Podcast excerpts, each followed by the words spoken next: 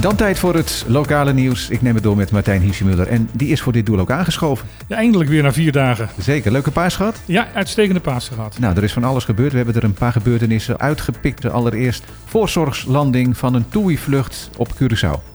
Ja, die kwam vanuit Bonaire.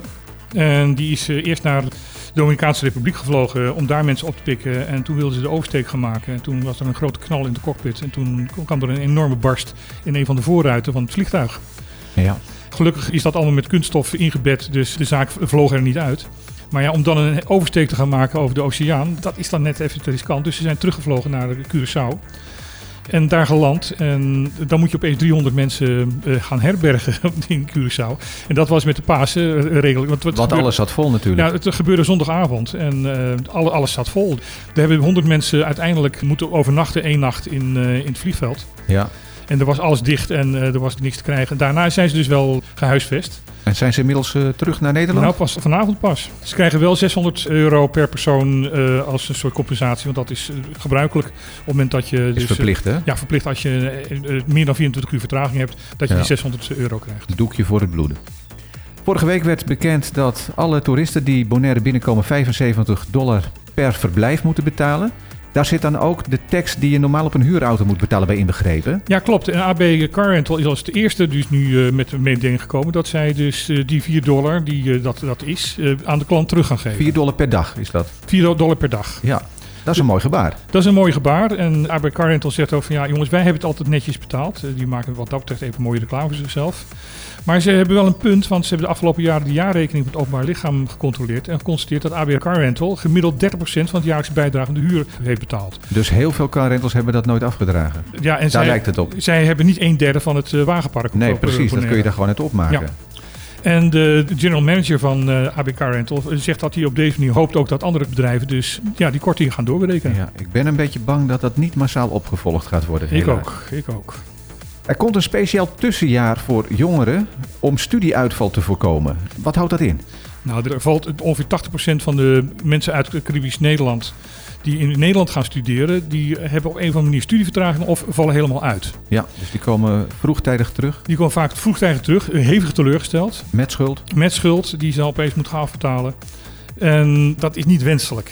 Meestal heeft het ermee te maken dat eh, men slecht voorbereid is, dat ze eigenlijk eh, niet voldoende weten wat ze nou eigenlijk gaan studeren en dat ze het Nederlands gewoon te slecht spreken. Ja, Onderwijsinstituut Bonaire heeft dus nu een initiatief om die kinderen die vanuit Bonaire naar Nederland toe willen, een soort tussenjaar te geven. Ja, het is geen echt jaar, dit is eh, zes, zeven maanden. mhm.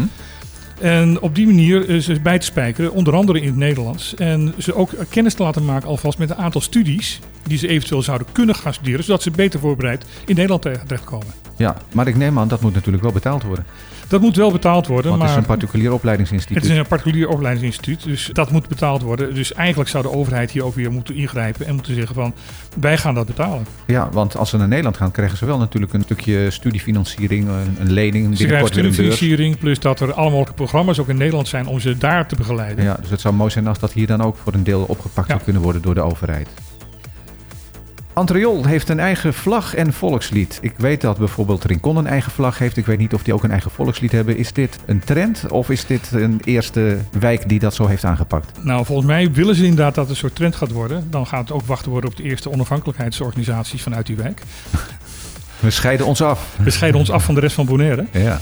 Eh, wat Rincon in feite in, in praktijk al bijna gedaan heeft. Ja, het is, eh, eh, eerst paasdag is dat gepresenteerd. Eh, eigen vlag, eigen volkslied. Dat is eh, uit eh, de wijkorganisatie Avanti gebeurd. Ehm, het is wel goed voor de saamhorigheid in de wijk zelf, denk ik. Heb je het gehoord? Ik heb het niet gehoord. Ik ook niet. Ik ik kan het ook dus niet laten horen. Dat is wel jammer. Anders hadden we een klein stukje kunnen laten horen van het volkslied. Nou, daar gaan we achteraan. De vlag is denk ik wel makkelijk terug te Ja. vinden als je even googelt of naar Facebook gaat. Er zijn veel eh, debatten in Nederland die betrekking hebben op het Caribisch deel van het Koninkrijk, maar die door het tijdsverschil hier moeilijk te volgen zijn. Ik dacht gelezen te hebben dat de nieuwe staatssecretaris daar verandering in wil gaan aanbrengen. Die wilde daar veranderingen aanbrengen. Een maand geleden heeft zij tegen de Commissie voor de Koningsrijksrelaties in de Tweede Kamer gezegd van... jongens, laten we dat nou op een tijdstip plannen dat mensen die in Caribisch Nederland wonen... en dat graag willen volgen, dat ook kunnen volgen. Dus dat ze dat in de middaguren in Nederland gaan, eh, gaan doen. die en debatten. dat hebben ze de, uiteindelijk met de twee eh, Kamerdebatten die deze week zijn zijn eh, niet gedaan. De- voor de ene moet je mm, om eh, kwart over zes eh, je bed uit Caribische tijd. En de andere, dat is nog te doen. Ja. En de andere moet je half vier je bed uit.